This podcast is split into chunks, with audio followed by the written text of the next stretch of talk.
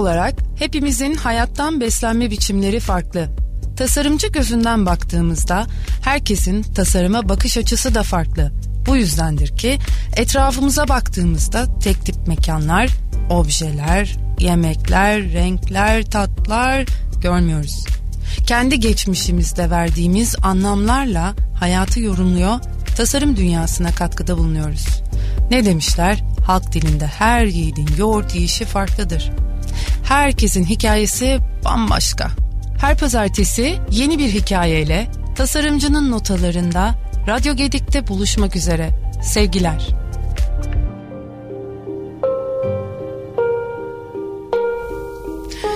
Günaydın sevgili Radyo Gedik dinleyicileri. Tasarımcının Notaları programındayız. Bir pazartesi daha.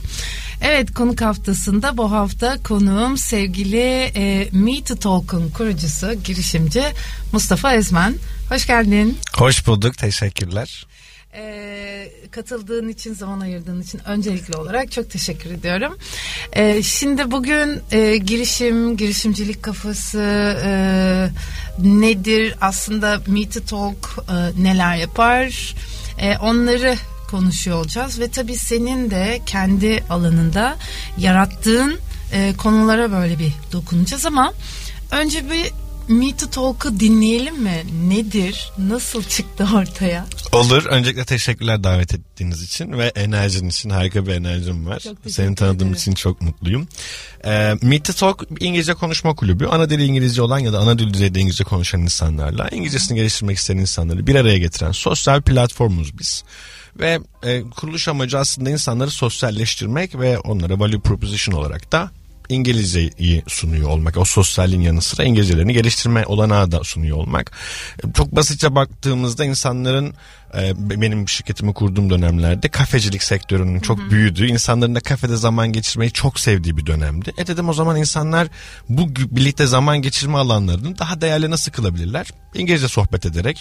O, bu da aslında fikrin temelinde e, insanların hem dışa dönük olmasını, hem bilgi paylaşıyor olmasını, hem Hı-hı. de zaman geçiriyor olmasını sağlıyor diyebiliriz e, aslında o zamanlar böyle her yerde bir kafe kuruluyordu değil mi? Yani evet, adım evet. başı köşe başı köşenin biraz sonrasında. Hatta 140 Journals'ın böyle bir belgeseli var belki biliyorsunuzdur kafe açmak üzerine. Aha. Beyaz yakalının bir anda istifa edip kafe açacağım ben ya deyip sürekli e, kafelerin açıldığı bir dönemdi. 2017'de kuruldu Mitisok.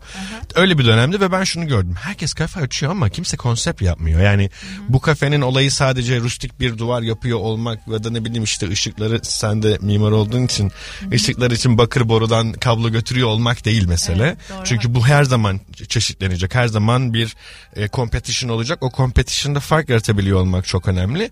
Oradaki değer önerisini gündeme getirdik aslında biz 2017 yılında. Peki şey merak ediyorum işte senle bir olan bilgileri de böyle bir e, e, hafta sonu gözden geçirdiğim zaman aslında program olarak içerik olarak e, neye sahip yani mesela bir İngilizce e, kursundan veya oradaki bir araya gelmelerden e, kurslarda da vardır ya hani aslında gelirsin bir, bir araya ve konuşmalar e, düzenlenir program çerçevesinde. Bu nasıl bir şey fark e, ortaya koyuyor? Ya aslında gerçek kahvehane. Ben İstanbul Siyasal mezunuyum e, ve Avrupa'daki siyasi tarihine bakacak olursanız ki Türkiye'de hı hı. de bu benzeştir. İnsanların bir e, konuyu tartışıyor olduğu yerlerin başında siyasetin asıl odak Hı-hı. noktalarının başında kahvehaneler vardır. İnsanlar kahvehanelerde sadece lak lak yapmazlar. Orada hayatlarını konuşurlar. E, toplumsal meseleleri konuşurlar ya da dertlerini konuşurlar, dertlerini paylaşırlar. Biz de tam olarak bunu yapıyoruz. Bizim bir kahvehanemiz var. İngilizce kahvehanesi bu. Ve bu kahvehanede, kahvehanede insanlar bir araya gelip belli bir konu hakkında İngilizce sohbet ediyorlar ve bu bize müthiş bir chapter açıyor. Nedir o? Şimdi biz aynı ana dilimizi konuşurken tartıştığımız tartıştığımızda farklı iki görüş olarak tartıştığımızda hı hı. bu illa burada siyasi bir mesele olmak zorunda da değil. Hayat ve yaşam ve durumlarla ilgili olabilir. Tartışırken biz hep şimdi Mehtap'a nasıl cevap vereceğim acaba? Şimdi o bunu argüman olarak sundu diye bunu acaba nasıl sunarım gibi kafamızda döndürürüz sürekli. Hı hı. Tartışma anı için konuşuyorum. Ya da işte siz e, komünist olun ben muhafazakar olayım. Kendi argümanlarımızı her zaman değerlendiririz. Sizi çok dinlemem ben bu noktada. Hı hı. İşte biz burada bunu değiştiriyoruz. Hı hı. İngilizce konuştuğumuz için ana dilimizde olmayan bir dilde konuştuğumuz için aslında iletişim becerilerimiz bir tık eksik. Böyle olunca da sizi daha fazla duymak zorundayım. Sizi daha fazla dinlemek zorundayım. Ne diyor acaba o şu an? Da aslında bir anda dört kulak oluyoruz ve sizi daha fazla dinlemeye başlıyoruz. Bu da bizim kendimizi ifade etme çabamızda da ayrı bir noktaya daha getiriyor. Çünkü bir baremle kendimi ifade edeceğim için iletişim baremim küçük olduğu için kendimi basit anlatmak zorundayım. Ana dilimde çok daha komplike anlatmayı uğraşıyorken. Adaları seçiyorsun ki etkileyesin. Aynen kesinlikle. Kendini haklı görürsün değil mi? Aynen öyle ama ikinci dilimde yani İngilizce'de kendimi ifade ederken çok daha basit ifade ediyorum ve inanılmaz bir iletişim ortamı oluşturuyoruz bizim kahvehanemizde aslında. Yani basitçe sorunuzun başına gelecek olursak bizi kurslardan ayıran şey bir kere İngilizce öğretmiyor olmamız. Biz insanlara İngilizce konuşabilecekleri bir ortam sunuyoruz. Onlara pratikleyebilecekleri bir ortam sunuyoruz. Ve bu pratiklenme sürecinde onlar İngilizcelerini kendileri geliştiriyor. Bizim en büyük mottolarımızdan biridir. Dil kimsenin kimseye öğretebileceği bir şey değil. Ben sizden İngilizce öğrenemem, Türkçe de öğrenemem. Ben İngilizce öğrenebilirim, Türkçe öğrenebilirim. Bunun için benim çabalıyor olmam lazım. Yani buna da edinim deniliyor. Dil edinebiliriz biz. Öğrenemeyiz aslında. Bu sebeple bir kursa gidip para verip ya da bir özel ders gidip hoca bana İngilizce öğret algısında bir problem var. Bu doğru değil. Yani hiçbir öğretmen, hiçbir hoca size İngilizce öğretemez. Siz İngilizceyi edinebilirsiniz. Bunun için çabalamanız gerekir. Bu çaba ortamını sunuyor aslında Mititalk sizlere. Peki ona ortamda e, Türkçe konuşmayı nasıl engel yani çünkü İngilizce üzerine e, e, oluşturulmuş bir e, ortam var hı hı. ama e, doğalı gereği eğilim e, Türkçe'ye e, kayabilir. Dolayısıyla Kesinlikle. bu ortamda e, onun e, İngilizce olarak sürdürülebilirliğini sağlayan bir otorite var mı? Otorite yok işte konu da o. Ee, iletişim diyoruz ya bir şeyi nasıl ifade ettiğimiz çok önemli. İşte bunun birçok yöntemi var ve konuşuluyor. Birçok kursta ya da okullarda da denenmiştir. Belki sizin okuduğunuzda da yaşamışsınızdır. Şunu yapana ceza 1 lira para atacak falan gibi böyle bana göre çok manasız şeyler deneniyor. Bunlar Özellikle otorite kelimesini seçtim bu arada. Bunlar e, kuralla e, ya da ne bileyim yasaklarla e, oyunlaştırılmış yasaklarla fark etmiyor nasıl oldu çözülebilecek meseleler değil. Bunlar oraya aynı motivasyonla aynı motivasyonlarla giden insanlarla ancak mümkün olabilir. Hı hı. Biz çok e, multicultural bir ortamımız. Dünyanın her yerinden insan var. Aynı şekilde de az önce söylediğim gibi Türkiye toplumunun içerisinde birçok farklı tipten insan geliyor oraya ve hepsinin ortak tek bir noktası var. İngilizce konuşmak. Hayır, hayatta kendilerini geliştiriyor olmak. Hmm. Onlar oraya gelişmeye geliyorlar, geliştirmeye geliyorlar. Bu yüzden de hiç kimsenin kimseye ya Türkçe konuşma ya da sen şunu yapma, bunu yapma demeye ihtiyaçları yok. Çünkü ortak bir gayeleri var, kendini geliştirmek. Onun için oraya geldiği için o zaten Türkçe konuşmaya ihtiyaç duymuyor ki. Çünkü onun oraya gel gelme amacı kendini geliştirmekse ve bunu burada yapma biçimi de İngilizce konuşmaksa aslında bu onlar için bir biçim sadece. O zaman hiç kimsenin bir kural koymasına Türkçe konuştun sus demesine ihtiyaç yok. Zaten o kişi oraya İngilizce konuşmaya geliyor. Bilinçli bir kişi. İşte o filtrelemeyi sağlıyoruz biz. Meet Talk'a gelen hep bunu söylüyorum ben. Sen kime hizmet verdiğin de çok önemlidir. Ben buna çok e, özen gösteririm. Küçük e, problemli insanlar vardır hayatta. Yani ne olursa olsun mutlu olmak istemezler. Bu, bu arada onların da yaşama biçimi budur. Evet, Sen, söylenme hali hep. Evet Meet Talk asla öyle birine hizmet veremiyor. Çünkü öyle biri geldiğinde Meet Talk'a inan kendisi gidiyor. Yani biz kimseye de şey demiyoruz. Abi size hizmet vermeyiz gelmeyin buraya falan da demiyoruz. Geliyor buraya. Burası çok sosyal, çok tatlı. Herkesin mücadele ettiği, paylaştığı, birlikte bir şeyler yapmaya çalıştığı bir yer. Galiba burası bana göre değil diyor ve gidiyor. Yani doğal bir seleksiyonu var. Hı hı. Aslında onu kusuyor diyebilirim. O yüzden de ortamda hiç zorlama, ekstra bir motive etmeye çalışma e, yani zorla motive etmeye çalışma gibi durumlar. Çünkü herkes zaten motive oradaki. Hı hı. Evet Meet Talk'u biraz daha böyle geniş kapsam içerisinde anlama fırsatımız oldu. Ee, girişimciliğin ne olduğunu senden dinlemek çok istiyorum. Ee, nefesim kesik hikayeni dün dinledim. E, yorum yapmadan da duramadım tabii ki sana. E, müthiş bir adanmışlık hikayesi olduğunu söyleyebilirim. E, merak edenler için e, Mustafa Özmen'in e, YouTube'daki e, kendi hikayesini ayrıca daha detaylı biçimde dinleyebilirsiniz. Öyle değil mi? Kesinlikle birkaç e, farklı platformda var. E, girişimcilik nedir? Girişimcilik kafası nerede başlıyor? Nasıl bu süreç ilerliyor? Onu bir senden dinleyelim. Çok öyle hikayeyi dinlemek isteyenler tabii evet, evet. dinlerler ayrıca. Aynı şeyi tekrarlamaya gerek yok. Çok haklısın. Ya benim bu konuda sürekli düşündüğüm bir konu. Yani Hı-hı. bu konuda farklı farklı dönemsel olarak değişkenlerim oldu. Mesela bir dönem şunu söylüyordum. Herkes girişimci olabilir. Bir sene herkes yapabilir diyordum. Sonra dedim ki ya bir dakika. Herkes de değil. Bazı burada farklı tılsımlar var. Farklı motivasyonlar var. Nedir onlara On, onlara ihtiyaç var e, keşfettim. Çünkü çok, çok net hayatta her şey hep pik olmuyor. Her şey pozitif olmuyor. Hayatta mutlaka karşımıza sorunlar e, çıkıyor ve aslında bence girişimcilik o sorunları çözme biçimi. Yani ben e, son zaman son zamanlar çok zorlu bir süreçten geçiyorum bu arada. Kendi markam Hı-hı. adına da e, teknolojik ilerlemeler adına da şu an versiyon 2 yayını aldık. Biz web sitemizi güncelledik ve yaklaşık olarak bir 10 gün kadar ciddi bir teknolojik sorunlarla mücadele Hı-hı. ettik.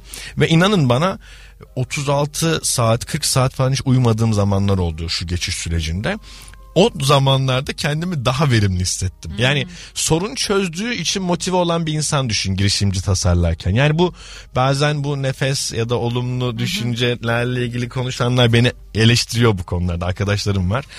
Derdi çağırıyorsun, sorunu çağırıyorsun sürekli yapma bunu. yapma bunu falan diyorlar ama ben kendimi o şekilde verimli ya da o şekilde var hissediyorum. Yani ben bir sorunu çözdüğümde evet yaptın şu an diyorum. Bu ille de bir sorun olmak zorunda değil belki ya da bir geliştirme yaptığımda Hı-hı. işte e, bu icat çıkarıcılar aslında bunlar. Yani geçmişe de baktığımızda tüm girişimcilere onların icat çıkardığını görürüz. Bir şeyleri icat ettiklerini görürüz. Çünkü onları durduramazsın zaten. Hatta e, Erbakan Malkoç'tu bir e, konuşmasını dinlemiştim. Onu bir, bir araba tamircisi olarak çırak olarak girdiği hikayede şu anda VIP araç sektöründe Türkiye'nin bir numarası haline getirdi. Hatta dünyada marka haline getirdi kendini. Ve onun da e, çalıştığı ustası onu en son kovmuştu sürekli yeni bir şey icat ediyor diye. Çünkü icat ettiği şeyi satması ve para kazanması lazımken o sürekli yeni bir şey icat ediyordu. Aslında teknik olarak girişimci olmak zaten girişken olmakla da tanımlanabilen bir şey. Sürekli bir şeylerin motivasyonunu içinde tutuyor olmak, sürekli yenilikçi olmak ve durdurulamaz olmak aslında. O herkeste olabilen bir şey olamaz. Sonra bunu anladım. Çünkü insanların çoğu rahat etmek istiyor. Para kazanmak ve e, sırtını arkasına yaslayıp hiçbir şekilde çalışmamak istiyor. Girişimciliği belli bir para kazandıktan sonra yatabilecekleri bir meslek olarak görüyorlar. Aslında aksine girişimcilik belli bir gelirden sonra, belli bir başarıdan sonra çok daha yoğun çalışabilecekleri bir nokta. Kuruluş hikayeme bakıyorum ben herkes orayı çok motive dinliyor. Abi neydi ki 7-8 ay sadece çok çalıştım hepsi bu. O işin aslında bana göre en basit kısmı. Çünkü temizlik yaptım, dükkanı açtım, dükkanı kapadım, muhasebe, reklam her şeyi tek başıma ilgileniyordum ve öyle kalsaydım çok daha rahat olurdum bu arada.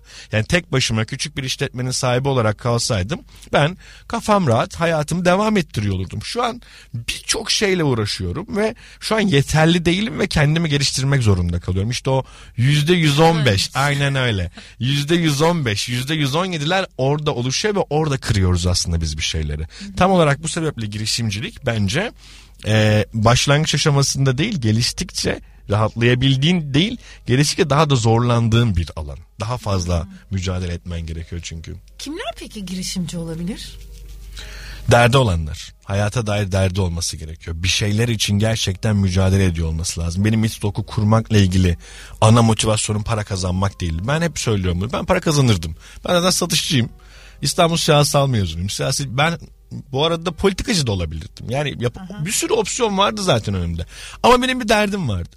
İngilizce konuşamıyordum. İngilizcemi geliştirmek çok zordu benim için ve uluslararası bilgi almak, uluslararası ortamlarda bulunmak istiyordum ve bu benim için çok zordu. Bir baktım bu derdin aynısı sadece bende yok. Çevreme baktım herkes de var. Mehtap'ta da var, Mahmut'ta da var, Ayşe'de de var ve hiçbir çözemiyor bunu kolay kolay. Çünkü önlerine bir barem bariyer koymuşlar. O bariyerin geçilmesini istiyorlar sürekli. ayıp kelimesi var ya bizim kültürümüzde böyle e, derinlere kazılmış bir şey. Yanlış yaparsam ayıp olur. Evet. Yanlış yaparsam ezilirim. Her şey e, bu yanlış yapma üzerine geliştirilmiş. Saygıda, sevgide. Kesinlikle. Bunu büyütebiliriz. Tabii tabii sosyal yaşantıdaki her şey. Hı hı. E, keza işte karşı cinsimle kurguladığım Aynen. iletişimde kendimi ifade etmem bile bazen ayıp olabiliyor.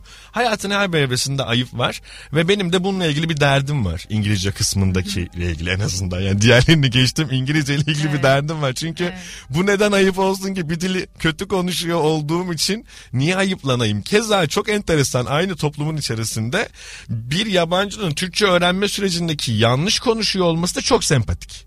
Yani e, bir native'in, bir yerlinin, bir Türk'ün ya da Türkiye toplumundan bir kişinin e, İngilizce konuşma çabası ayıplanması gereken bir şey. Yanlış yaptığı için üf ya gerizekalı salak ha hi yerine şi dedi falan diyoruz. Hı hı. Ama bir yabancı çok e, yanlış cümleler kurduğunda çok komik geliyor işte. Evet. Aa ne niye neye böyle sempatik konuşuyor diyoruz. Aha. Çok enteresan.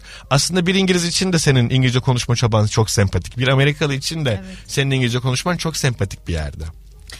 Ee, buradan iletişim konusuna gelmek istiyorum. Çünkü Me to Talk'un aslında e, temelinde e, insanların birbirleriyle e, iletişim kurma biçimlerini değiştiren ve bunu İngilizce üzerinden yapan bir tabanı var. Hı hı. E, iletişim gerçek anlamda nedir senin için?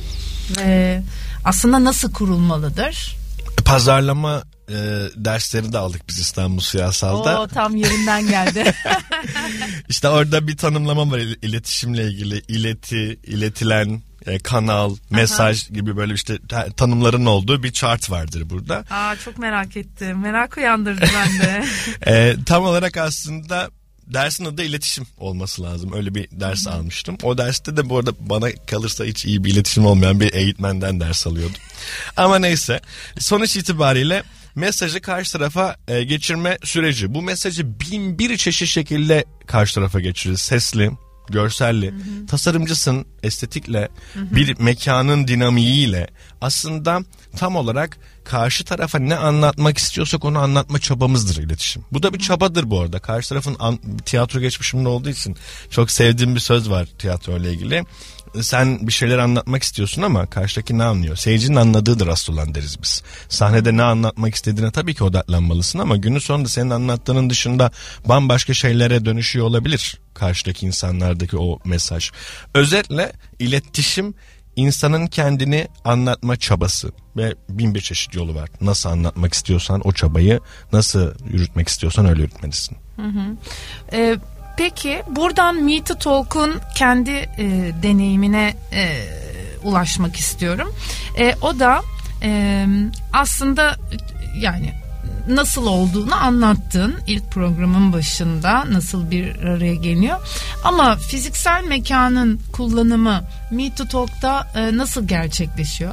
Bir masa etrafında, e, ayrı odalarda, e, kapalı odalarda e, biraz daha konunun e, anlatımından ziyade fiziksel Hı-hı. mekandaki ilişkisi nasıl? Tam olarak aslında yine iletişim bu soruyla çok ilişkili. E, tam olarak iletişimdeki mesajlar devreye giriyor burada. E, biz eğitim alanında değiliz eğitimci olmadığımız her zaman iddia ediyoruz ve eğitimde eleştirdiğimiz bir yapı var. Öğreten, öğreten siz şimdi hocasınız hocanın karşısında böyle konuşuyor olmak çok... E, eş zaman. Doğru olmuyor ama bir bir profesörün yüzlerce karşısındaki insan var ya da bir sınıf ortamında 20-30 tane insan var ve bir tane öğretici var. Öğretici geliyor e, anlatması gereken şeyleri anlatıyor. Karşı tarafta pasif bir şekilde dinleyip genelde pasif bir şekilde dinleyip al, alabileceklerini alıyor. Biz bunu kırmak istedik. Bu yüzden zaten kafeyi tercih ettik. insanların Hı-hı. sosyal yaşantı alanını. E, az önce söylediğiniz gibi bizim bir masa etrafında oluşan bir ortamımız var. Yani masada 6 tane ya da 8 tane katılımcı bir tane de moderatör var ve bunların hepsi aynı hmm, seviyede. Moderatörümüz Kimse, var ama. Evet tabii ki bir moderatörümüz var ve o bir konu belirliyor. Onun açtığı konuyla konuşuyoruz. Ama e, bu deneyimli tecrübeli birisi. Tabii tabii. Bu, bu bizim çalışma arkadaşımız. Bu bizimle birlikte çalışıyor.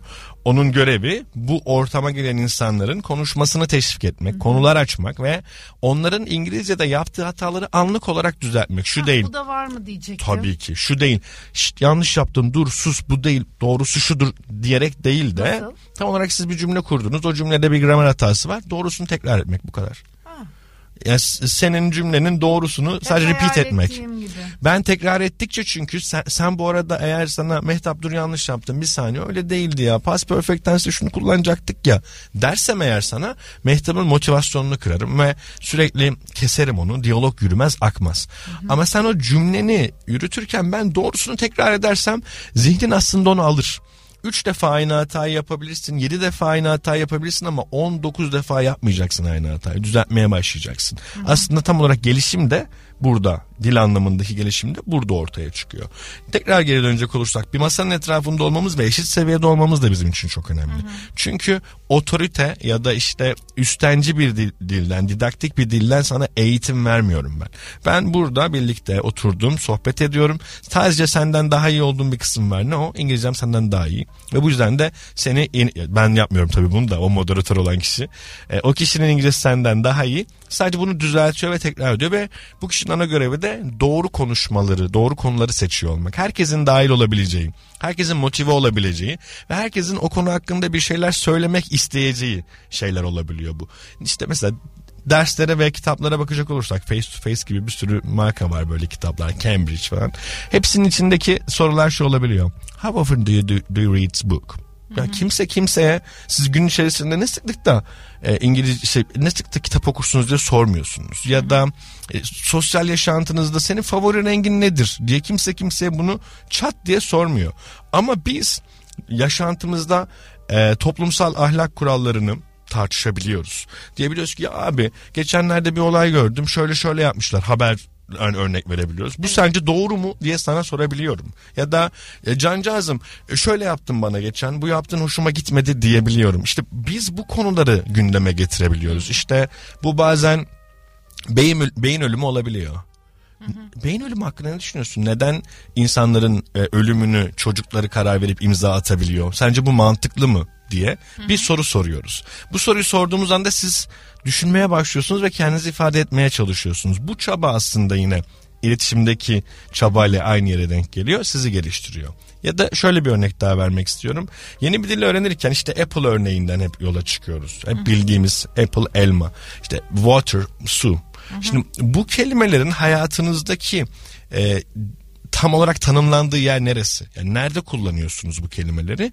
Orada öğrenebilirsiniz. İşte teknik olarak içeride de biz birbirimize yerinde kullanmayı öğretiyoruz. Yani size ben water dediğimde su iki tane harf geliyorsa karşılığında su ise sizdeki canlanan şey siz water kelimesini bilmiyorsunuz aslında. Hı. Water kelimesini biliyor olmak ben water dediğimde kafanızda canlanan şeyin bir bardak su olması ya da bir bottle of su olması gerekiyor. O canlanıyorsa görsel iletişim devreye giriyor bu da sizin alanınız. O canlanıyorsa biz o anda deriz ki evet bu kelimeyi ben edindim. Hep şu örneği veriyorum herkese. Suyun ne olduğunu biliyorsun. Ee, beach'in ne olduğunu biliyorsun İngilizce'de. Herkes beach beach zaten. İşte şezlong bile aynı İngilizcesi yine e, güneş san ya da hot terlemek sıcak bunların hepsini biliyorsun ama şunu asla söylemiyorsun. Geçen yazın sahilde otururken e, işte evet susadım ve su içtim demiyorsun. Çünkü bunların yerini bilmiyorsun. Yerinde kullanmak Aha. gibi bir şeyin yok. Buna ihtiyaç duymamışsın. Biz sana o ihtiyacı oluşturuyoruz o masanın etrafında. Hmm. Ayrı ayrı odalarda ve en güzeli de seninle aynı seviyede katılımcılarla. Şimdi ben senden çok daha iyi İngilizce konuşuyorsam katılımcı olarak öğrenmeye çalışanlar olarak ya da tam tersi sen benden. Bu durumda ben kendimi kötü hissedebilirim utanıp çekinebilirim benden daha İngilizcem var diye. Ya da sen sıkılabilirsin. Üf tamam Mustafa hadi bir şu cümleyi de ben konuşayım diyebilirsin. Hı. Ama hepimiz aynı seviyedeysek birbirimize daha iyi geliriz. Çünkü o moderatör zaten konuyu da bizim seviyemize indirgemiş olur. Herkes aynı seviyede birbirini ifade etmeye ve birbirini doğal olarak motive etmeye başlar. Hmm, iletişim konusunda ne güzel bir yerden daldık girdik böyle. Ee, buradan aslında şey geçmek istiyorum. Kariyer planı aslında e, nasıl geliştirilebilir? E, çünkü bunun bir e, background'una, e, geçmişine baktığım zaman e, kendiliğinden e, ilerleyen bir e, kariyer süreci var. Hı hı. E, kariyer planı e, nasıl geliştirilebilir? Bununla alakalı bir e, sözün e, var mı? Elbette ki var. Bu e, setup inşa etmek bu kelimeleri çok güzel. Burada e, iletişim, dil, in, e, inşaat sektörü, tasarım bunların hepsi bence çok iç içe olan şeyler. Hmm. İnşa etmek gündelik hayatımızda çok kullandığımız e, şeylerden biridir. Hayatımı inşa ettim şu şekilde. Bunları evet, yaptım. Evet, Aslında sadece beton, çelik Evet. E, kullanmadan da yapabilirsin bu inşayı. Kesinlikle, kesinlikle. İngilizce'de setup'a e, şey olur. Şey yaparız ya böyle e, yine teknoloji de çok alakalı. Açarız bilgisayarımızda bir program kuruyoruzdur. Setup, next, next, next, next, next hep böyle ilerler. Hı hı. İşte hayatta aslında bence kariyer planında tam olarak böyle. Bir yerde bir şeyi inşa etmeye karar veriyoruz. Bir planımız oluyor. O plan doğrultusunda yola çıkıyoruz ve piece'ler var. Küçük küçük piece'ler var ve hepsini next yere ilerliyoruz. Bu next'in sonunda da her şey tamamlanmış oluyor ve aslında kariyerimizi tamamlamış oluyoruz. Hayatımızı da tamamlayıp bu dünyadan göçüp gidiyoruz özetle. Yani kısacası bence kariyer planı iyi bir inşa planıyla çok e, örtüşüyor olmalı ve ben bu noktada tam olarak yeni mezun arkadaşlara seslenmek istiyorum. Çünkü ben de tam mezun olduğum dönemde işimi kurdum. E, herkesin şöyle bir tezi vardır. O kadar vardır. kolay değildir aslında bu. E, bence birçok insanı bununla ilgili farklı görüşlerini duydum ve dinledim. Bence daha kolay diğerinden. Neden diyeceksiniz?